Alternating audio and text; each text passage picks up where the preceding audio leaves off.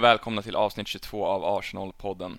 Idag så kommer vi gå igenom vinsterna mot Nottingham, Zurich och Chelsea och snackar även upp de kommande matcherna mot Brighton och Wolves. Välkomna! Yes, då börjar vi med matchen mot Nottingham som blev en stor slakt med 5-0 till slut. Och det var ju skönt efter det här lite deppiga krysset mot Southampton som som vi som sagt sa att ja, egentligen behöver vi inte dra så stora växlar av det men när det går så himla bra som det går för Arsenal just nu så blir det ju lätt att ett kryss på bortaplan känns som en, eh, som en förlust till och med. Eh, och utöver det kryddades det ju på det här krysset med en torsk mot eh, PSV Eindhoven i Europa League i en match som ja, men där planen förmodligen var att vi skulle eh, säkra gruppsegern och kunna slappna av helt men det blev en torsk som eh, som gjorde att vi var tvungna att få ett resultat här i sista matchen mot Zürich som vi kommer komma in på senare då. Men den här matchen mot Nottingham började precis som i stort sett alla våra matcher gjort den här säsongen med att vi tar tag i det direkt och sätter en press och skapar farliga situationer hela tiden och vi tar också ledningen ganska fort. Men eh, sen blev det det här, eh, den här lite negativa trenden som har varit vissa matcher att vi backar hem eller slår av lite på tempot och släpper in motståndaren lite i matchen så och så blev det lite oroligt någon sekvens där när Gabriel slog bort någon passning i eget straffområde och sådär men eh, eh det löste sig sen som sagt. Men även kommentatorerna var inne på det dock i matchen att eh, oj nu ser det ut lite här som mot eh, SA-15 och ska vi bli oroliga här eller eh, ja men lite frågetecken sådär. Eh, så det var ju skönt då att vi klev ut andra halvlek och verkligen eh, slaktade. Eh, en annan lite, ja, med ett orosmoment första halvlek var att Saka klev ut skadad där ganska tidigt eh, som gjorde att Nelson fick komma in och ja, du kan väl ta vid där, hans fina insats andra halvlek. Ja, Nelson var ju verkligen typ höjdpunkten den här matchen för han har ju varit utanför startelvan och Artetas planer väldigt länge nu och det känns lite som att han har blivit liksom bortskriven av de flesta men att han kommer in här och verkligen tar tag i det. Han gör ju inte två fenomenala mål kanske. Han får ju tillbaks en, en retur, sin egen retur som han kanske borde suttit i första läget och sen andra är bara att han vinklar in på ett inspel av eh, Ödegård tror jag det var.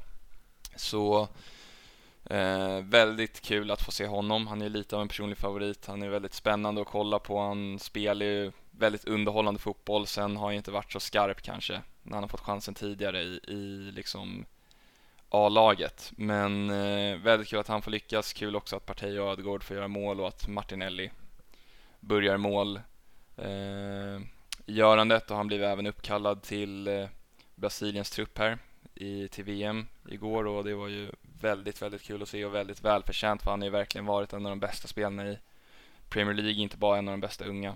Eh, så det förtjänar han verkligen. Det som var lite tråkigt här mot Nottingham var väl att Jesus inte fick göra mål. Det känns som att han kanske skulle behöva det även om han gör allting annat fortfarande otroligt bra. Så är det ju alltid så när eh, det blir lite frågetecken när nummer nio inte gör mål några matcher i rad och han borde ju också göra mål i, i liksom alla matcher som vi har spelat nu, de senaste fyra kanske. Eh, men han får inte riktigt till det och även mot Chelsea så brände han ju ett läge som vi kommer in på senare men Ja, det är ingen, alltså vi är väl inte oroliga över honom eller alla som kollar på Arsenal är inte oroliga men det blir ju alltid kritik på sociala medier och i, i studier och sådär när han inte gör mål. Eh, så det var väl det enda som saknades och sen som du var inne på där att vi inte riktigt lyckas vara helt dominanta i 90 minuter men annars ja, verkligen en jätteskön bounceback match och eh, skönt att bara få liksom göra en massa mål och, och ta död på de här liksom frågetecknen som kanske kommit upp efter de här lite svagare insatserna, insatserna innan den här matchen. Ja, med Jesus där att han gör ju ändå två assist den här matchen. Han skulle haft tre assist egentligen. För som du sa där, Nelson hade ju inte direkt... Första målet är lite fint att han gör en liten dragning där, men det är inte så att han behöver göra så mycket för att göra mål, utan han blir serverad av Jesus faktiskt på båda sina mål tror jag det är. Och eh, Jesus är ju så himla, alltså smart, spelskicklig och alltså, ja, vi har hyllat honom jättemycket och det här med att han inte gör mål som sagt, det är alltså eh, det spelar ingen roll när han är så här bra verkligen. Alltså han gör ju så att andra gör mål. Alltså han lägger ju fram det så det är öppen kasse i stort sett väldigt ofta och sådär.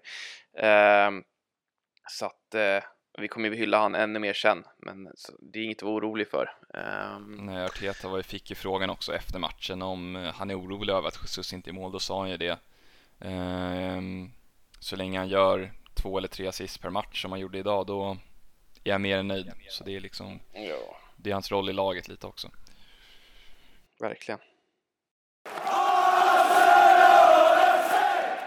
Ja, och senare i veckan blev det ju då dags för den här avgörande matchen mot Zürich och eh, det känns som att de flesta inför den här matchen inte hade reflekterat riktigt över innebörden.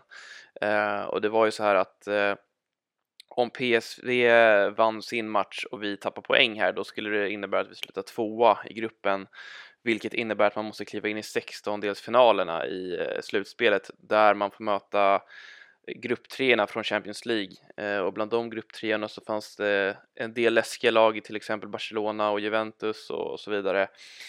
Så att vinna här för att dels slippa tufft motstånd i Europa League men också för att slippa en extra match två extra matcher i ett annars ganska tajt schema efter VM var ju, alltså jag tror det är viktigare än, eh, än de flesta förstod när de kollade på den här matchen och eh, jag blev faktiskt riktigt nervös i slutet när det bara stod 1-0. Det var ju som det har varit ändå ganska många matcher för Arsenal att, eh, att vi skapar i lägen där och då gäller det verkligen som mot 15 att vi får in det 2-0 målet eh, ofta för att Eh, Eh, det går ju inte att spela med den intensiteten och skapa så mycket chanser en hel match och så blir det liksom, det är en kupp, eh, ja, det är en cupmatch eller liksom det är en gruppspelsmatch men det är lite så här, Zürich har inget att förlora. Det är klart de kommer gasa på, kasta in varje offensiv spelare och i det i kombination med att vi blev lite försiktiga och bara försvarade den här 1-0-ledningen gjorde ju att det blev läskigt på slutet och det vart ju Eh, det blev vart ju lite oroligt och de fick ju några halvchanser, ingen riktigt konkret chans men man kände ju att det blev eh, anspänt och ett eh, konto vi följer på på Twitter, ett stort Arsenal-konto. Det är en person som heter Charles Watts med mycket ingångar i klubben och väldigt hängiven supporter och sådär. Och han är ju oftast väldigt saklig och inte så himla liksom känslomässig i sina tweets. Men han skrev ju det att först att ja, det här är väldigt onödigt. Nu blir det exakt så spännande som, som vi inte ville. Eh, och så skrev han det i slutet liksom att eh, betonade det att ja, Arsenal vann gruppen men det var eh, verkligen inte eh, liksom med, med stor marginal här utan det vart ja, som sagt onödigt spännande. Eh, och jag skrev det till dig där att det här känns ju känns ju nervöst i slutet. Ja, och det är ju precis som mot PSV och i de andra liksom många av Europa League-matcherna känns som att vi inte riktigt presterar på samma sätt som vi gör i Premier League och här var det Tierney som fick gå och lossa liksom bössan ut över straffområdet för att vi skulle ta segern. Men samtidigt, vi ställer ju upp lite mer liksom reservpräglat lag så det var ju bara att ta hem den här viktiga liksom första platsen som du snackade om och, och att få en lite skönare lottning. Um, så verkligen, det är bara skönt att ta hem segern här. Ja, jag tänkte nämna det också att uh eh, inför Europa League-gruppmatcherna eh, och liksom när man såg eh, schemat framför sig så tänkte man att här kommer ju spelare som Viera, Lokonga få glänsa. För man tänkte ju liksom att de är duktiga. Är, man hade nästan känslan att de skulle kunna spela i Premier League nästan liksom inför säsongen och vissa av insatserna de har gjort och sådär. Men de har ju Alltså jag skulle nästan säga att de har eh, alltså chokat eller misslyckats här. För de har inte briljerat. Alltså vissa matcher har vi fått slänga in Ödegård, Partey, Saka och så vidare för att stabilisera eller vinna matchen. Eh, Jesus har fått eh, glänsa i någon hemmamatch också liksom.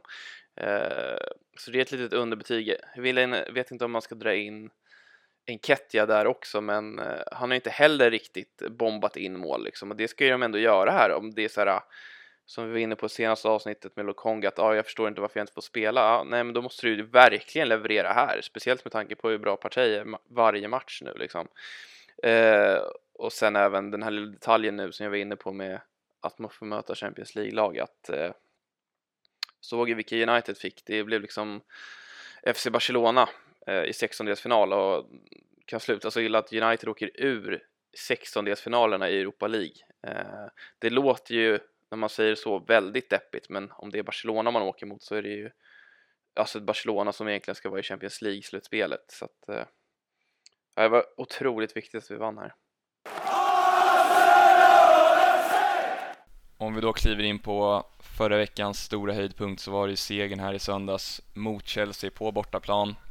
Eh, det var ju en otroligt dominant insats verkligen. Eh, och hela laget, inklusive Arteta, har ju fått väldigt mycket eh, eloger och cred efter den här matchen, helt rätt. Eh, för vi var ju från minut, minut ett i stort sett det bättre laget och Chelsea hade ett skott på mål på hela matchen på Stamford Bridge och vi neutraliserade dem helt och framförallt så kanske vi neutraliserade eh, Aubameyang som hade varit lite kaxig på sociala medier och intervjuer och sådär innan matchen och spelarna såg ut att medvetet fira framför honom också efter eh, Gabriels segermål på en hörna. Ehm, så det var verkligen en liksom fröjd att kolla på den här matchen och man kände att nu har vi liksom inga stora test kvar. Det är just då Manchester City, men som vi varit inne på i tidigare poddar så vågar man väl inte ens tro på att vi ska kunna konkurrera med dem. Men resten av ligan känns vi verkligen bättre än just nu. Och till skillnad från Chelsea så känns vi verkligen som ett mycket mer komplett lag och att vi verkligen är liksom ansvärt längre fram i vår process. Um, och alla stats och liksom ögontestet på hela den här matchen uh, pekade ju på det också. Ja, och man såg ju också här hur, eh, hur viktig Sinchenko blir när han kommer in för att vi ska ha den här totala dominansen som vi kanske har avsaknat Eh, de här eh, senaste matcherna. Att det blir inte liksom, men när vi tröttnar av i den här eh, överdrivna pressen och, och energin så tappar vi lite kontrollen, men med Sinchenko på planen så så blir det en annan kontroll just för att han är så himla bolltrygg. Man ser det på honom. Det, det ser nästan konstigt ut när man ser matchen för att eh, alla andra i backlinjen eller liksom den delen av planen eh, de tar ju någon touch kontrollerat och passar vidare men man ser ju på Sinchenko, alltså nu är det ju inte så, men det ser ut som att han är på vilopuls typ. Och han kan liksom ta en touch, vända runt lite för att han har ju sån otrolig bollkontroll och spelförståelse och allt det här. Och det var ju ett av de här anfallen som rullades ut på sociala medier och lite överallt. När man ser hur han verkligen, han ställer sig ju, för han startar ju som ytterback på pappret eller vad man ska säga, men han kliver in väldigt mycket centralt och blir inviterad och sådär. Men att han ställer sig ja, typ mitt cirkeln och liksom bara vinkar upp Ramsdale eller visar bara spela in mig här så spelar förbi hela deras första press och Ramsdale kan ju göra det. Det är därför det är så viktigt om man ska spela så som vi vill och de bästa lagen vill ofta att man har en passningsskicklig målvakt och Ramsdale slår ju den lasermackan upp på sin Sinchenko som vänder om första touch och så är det liksom anfallsläge deluxe direkt. Uh, och utöver sådana kvaliteter så, så bidrar jag bara med kontroll så att det var faktiskt en fröjd att se han spela den här matchen eh, och eh, det känns ju som att det kommer vara, så länge han är skadefri kommer det ju vara han på, på den positionen liksom. Ja, och vi hade ju flera anfall som var verkligen helt magiska. Jag tror det var eh, när Jesus eh, borde gjort ett mål på nick som jag snackade lite om innan när vi börjar i backlinjen och det är White, eh, Saliba, Ehm, Partey och, och Xhaka som löser liksom det helt fenomenalt på jättesmå ytor mitt i Chelseas höga press som de ändå är duktiga på och liksom spelar en touch mellan varandra liksom felfri teknik, felfri fysik och så leder det till att vi nästan gör ett mål och det förtjänade verkligen att bli ett mål. Och när jag såg det eh, anfallet då tänkte jag verkligen tillbaks på när vi har mött City eller Liverpool i tidigare matcher och de har något sånt här liknande anfall och man tänker ja, alltså vi är bra men det här är en helt annan nivå. Och nu säger inte jag att vi redan är där City är just nu eller där Liverpool var för några säsonger sedan men liksom match efter match så har vi fler och fler moment där man känner ja, vi är helt dominanta oavsett motstånd. Och den som stoppar oss just nu det är att vi inte har den här riktiga liksom eh, ja, killern längst fram, att vi inte dödar matcher, eh, som du också var inne på tidigare. Eh, det är väl det som saknas, men annars är vi ju så otroligt bra just nu och att liksom gå, åka till Stamford Bridge och göra en sån här match. Eh, ja, alltså man, är, man blir så stolt över hela bygget och över Arteta och som jag sa, han har fått så mycket hype efter den här matchen och det, det ska han ha för som folk nämner, han har inte köpt någon världsspelare eh, på någon position egentligen. Alltså det här är verkligen ett lagbygge där alla individer tillsammans blir ett så otroligt starkt kollektiv och ja, alltså verkligen stolt i det man känner när, när vi gör sådana här insatser och ja, man vågar ju tro mer och mer att vi liksom kanske inte ännu kan konkurrera med City om en titel eh, på grund av just spelare som De Bruyne och Haaland. Men eh, alltså tvåa, det ska vi fixa nu för så bra är vi och att inte lösa det, det hade varit att svika oss själva och den otroliga insatsen som vi har gjort de här första 13 matcherna. Det är skador eller någonting i så fall som kan stoppa oss liksom. Och det är med så, som sagt, det argumentet kan man använda på, på alla lag. Men eh, ja, det är ett VM som kommer nu och nu vart det ytterligare en spelare i Martinelli här som kanske, nu är det kanske inte så att han kommer starta för Brasilien, men att han eventuellt får inte vila så mycket, kanske dra på sig någon skada och sådär. Det blir, hade ju varit förödande, men eh, som sagt, det gäller ju i stort sett alla lag, men det som är lite typiskt där bara som en parentes är att eh, ja, ligans kanske bästa spelare hittills och Citys eh, ja, liga Uh, ja, han som kommer ta hem ligan till City förmodligen Erling Braut Haaland kommer ju inte spela VM. Så han kommer ju kunna vila upp sig och träna sig i perfekt form inför slutslakten här som det kommer bli för hans del. Så att det är också någonting som talar emot oss. Att han, han kommer inte dra på sig någon skada såklart. Eh, men jag tänkte också lyfta här, Jesus, han hyllar vi ju i stort sett varje vecka, men han var ju otrolig. Alltså han har ju alltså det han verkligen har som man kanske inte tänkte, alltså, eller den breda publiken eller generella åsikterna kring Jesus när vi värvade han, tankarna var att här värvar vi in en målskytt.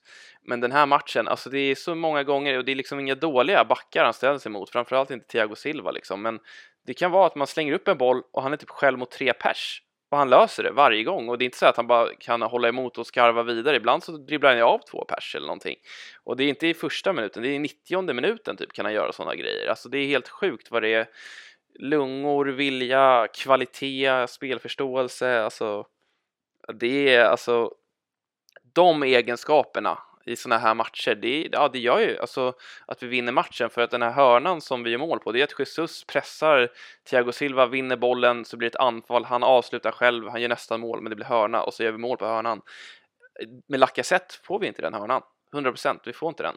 Så att det är att bara stirra sig blind på mål ibland, det är ju klart vi försvarar honom för att han spelar Arsenal, men här blir det ändå liksom ett uh, valid uh, argument att han gör ju i stort sett mål fast på andra sätt och vilken jävla insats. Och innan, eh, eh jag ska bara nämna också White. Ehm, han börjar verkligen bli en favorit för mig för han är så otroligt bra varje match. Han stabil och också så cool spelstil och modig, aggressiv. Eh, också det faktum att han har klivit ut på ytterback istället för, eh, för mittback och gör det så pass bra, det är imponerande. Ja, det är verkligen nya Monreal fast på en helt annan nivå också. Mr Consistent, liksom som Arsenal tweetade ut, eh, jag tror det var igår. Han gör ju verkligen 8 av 10 om inte mer varje match. Alltså varje match, jag kan inte komma ihåg att han gjort en dålig insats i Arsenal. Verkligen, alltså han är så himla jämn.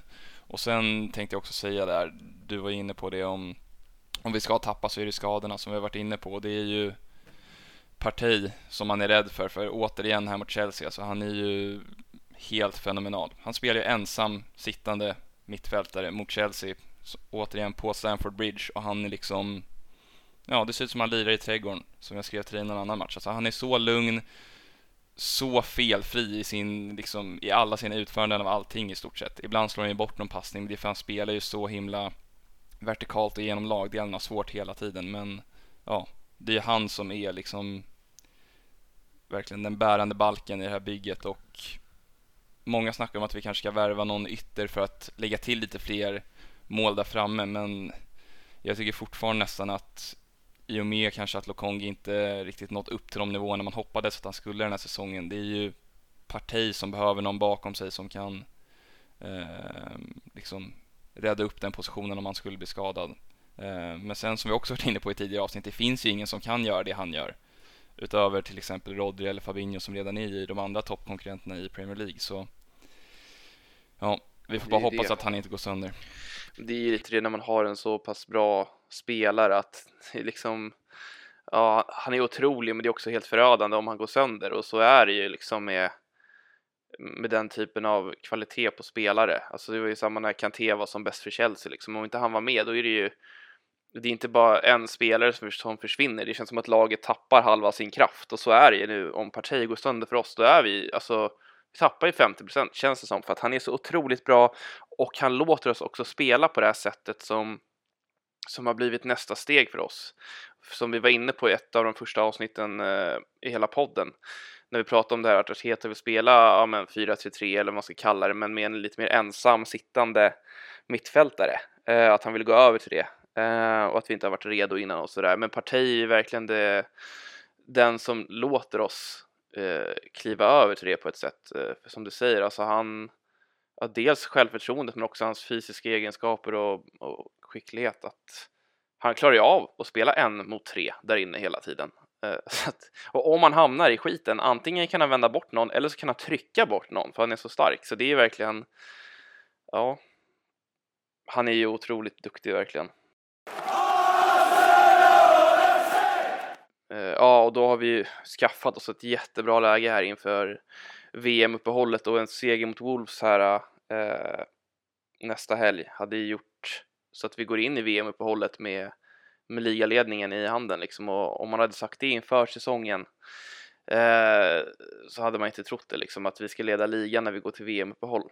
eh, och att vi har vunnit mot Liverpool, Tottenham och Chelsea. Alltså, det blir väldigt mycket hyllningar här, men det är ju det är ju så pass bra vi är och det var en kompis som skrev det bara, ni är så jävla bra. Eh, det är sjukt hur bra Arsenal är och jag bara, det känns som att man drömmer. Det går inte, jag vet inte vad man ska säga för att det är så här, man tror knappt att det är sant. Eh, och ja, alltså vi lär ju vinna mot Wolves för så pass bra är vi nu, men även om vi skulle tappa poäng där så det tar inte bort någonting av det vi har gjort eh, hittills. Eh, men innan Wolves eh, ska vi nämna det att vi möter Brighton i ligacupen, en match där vi lär liva, liva, lira en del reserver. Eh, Lokonga, Marquinhos om han är fit, Viera får chansen igen eh, och de typen av spelare. Eh, men det är ju Wolves-matchen som blir största fokus här och eh, tänkte säga lite snabbt att de har ju sparkat sin tränare Bruno Large och tagit in Lopetegui som dock inte kliver på förrän efter VM så just nu har de en interimlösning i Steve Davis som eh, rattar. Eh, och Lopetegui är väl kanske folk tänker på Spaniens landslag och Real Madrid och sådär i tidigare uppdrag. Han blev sparkad av Sevilla innan han fick det här uppdraget nu då så att det är en etablerad spansk tränare som är eh, ja, vill spela offensiv fotboll. Så att det skulle kunna bli spännande för Wolves som behöver all hjälp de kan få med tanke på att de ligger på 19 plats just nu. Ja, som du säger, man räknar väl med en vinst här. Vi har ju bara förlorat en match på de första 13 och det är som du säger, det känns som man drömmer och det är den förlusten var även mot United i en match som ja, man känner att vi borde vunnit. Det var ju Rashford och, och Bruno som tog död på oss på kontringarna där. Eh, men att annars ha liksom 11 vinster och en oavgjord och en förlust här inför VM-uppehållet är ju så otroligt jävla starkt. Det finns inget annat man kan säga om det. Um, och vi har ju köpt oss så god marginal också. Vi ligger ju på 34 poäng och Tottenham som är en av de största konkurrenterna om topp 4, de ligger på 26 poäng med en match mer spelad. Så om vi tar den här segern mot Wolves, som du säger, de ligger näst sist i ligan och, ja, eller delat sist i ligan till och med, tillsammans med Nottingham då på 10 poäng. Um, hade ju varit så otroligt fint att bara få sen vila upp sig och ta nya tag efter uppehållet. Och vi har ju inte så många spelare som åker till VM och även de som åker är inte garanterade startplatser. Framförallt om man jämför med lag som City och Tottenham och United och Chelsea och Liverpool. Där alla har mer spel i startelvorna och i, liksom runt om startelvorna som åker till VM och ska spela. Um, så om något borde vi väl komma tillbaka mer uppvilade än de lagen efter VM och Ehm, ja, vi har ju verkligen god marginal. Absolut, jag tänkte det. Vad tror du om, eh, om du måste säga om ligasituationen och sådär, om du ska tippa, ärligt? Ja, det vågar man ju knappt göra. Eh, men jag skulle nog säga, ja, två. Alltså inför de här senaste omgångarna, men nu när vi har vunnit mot liksom lag som Tottenham och Chelsea och United och känner, eller eh, eh, Tottenham, Chelsea och Liverpool så känner man ju att det ska inte liksom, man ska inte vara rädd för att tippa oss som två. Och jag tror att till och med om man inte var ett Arsenal-fan hade man nog kunnat börja diskutera om en ligatitel. Men man själv är ju, man är ju för rädd för det. Dels för att man inte vill såra sig själv i längden och för att man inte vill vara för färgad i sin analys. Men jag tror två om jag fick tippa nu. Jo, eh, jag håller nog med att jag skulle nog också säga tvåa och att det känns som att man borde kunna säga att vi kommer lösa topp fyra. Um, och gällande liga Eh, ja med guldet liksom så, så tror väl ingen riktigt att vi kommer klara, alltså man känner ju liksom att City kommer ju vinna. Det känns som en sanning i stort sett liksom.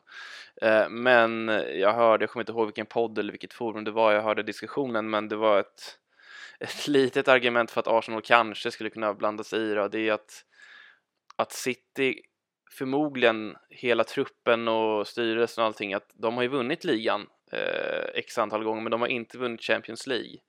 Och det känns som att om de får en gynnsam lottning framöver i Champions League, om de går långt i Champions League så kommer det nog bli deras primära fokus. Och det skulle ju kunna öppna upp för att de halkar i ligan, kanske att de vilar hålan någon match eller alltså ett sånt scenario finns ju, men förmodligen kommer de ha en sån stor ledning poängmässigt fram mot vårkanten att de har råd att torska någon match och sådär liksom. Eh, men det är ju den här lilla, lilla, lilla argumentet som talar för oss då.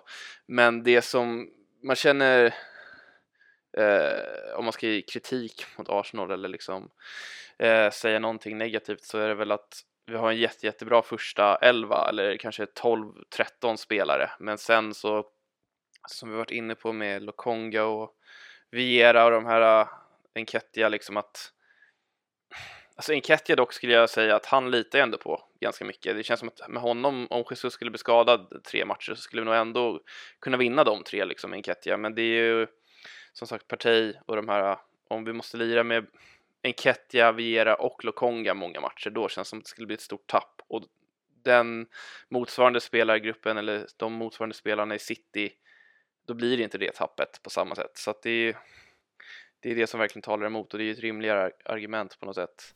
Ja, eh. samtidigt tycker jag också att även om jag vi individuellt inte har en så fantastisk bredd så tycker jag man såg det även, nu ska man komma ihåg att det var mot Nottingham, men när en spelare som Saka går sönder som man ändå känner är tillsammans med Partey då den viktigaste i hela laget så kan Nelson bara slotta in där och göra ett bra jobb för att nu är liksom systemet och taktiken så inpräglat i hela truppen, inte bara i de som startar, att det inte blir ett alltför stort, stort tapp om man bara roterar en spelare in eller ut. Vi såg även det när Tomiasso eller Tierney kom in och vikarierade för Sinchenko när han var borta, att det funkar liksom. Sen som sagt, om du säger om det skulle vara att vi startar med Eddie och Viera och Lokonga i flera matcher i rad, då är det klart det kommer reflektera sig i hur många poäng vi tar in, men samtidigt som vi har sagt nu flera gånger, det är lite orättvist också att anta att så många i start även ska vara borta, framförallt på nyckelpositioner.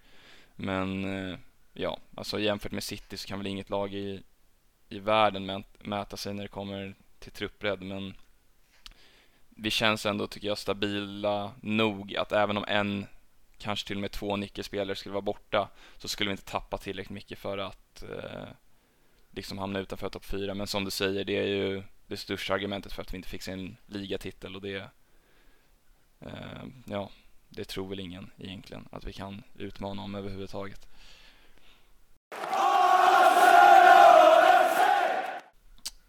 Och där tackar vi för idag. Som vanligt ett enormt stort tack till alla som har lyssnat, till alla som följer och gillar och retweetar och lämnar recensioner här på Apple Podcast eller Spotify eller vart ni än eh, nu lyssnar. Ehm, ja, tack för mig och så hörs vi igen nästa vecka. Yes, tack för idag.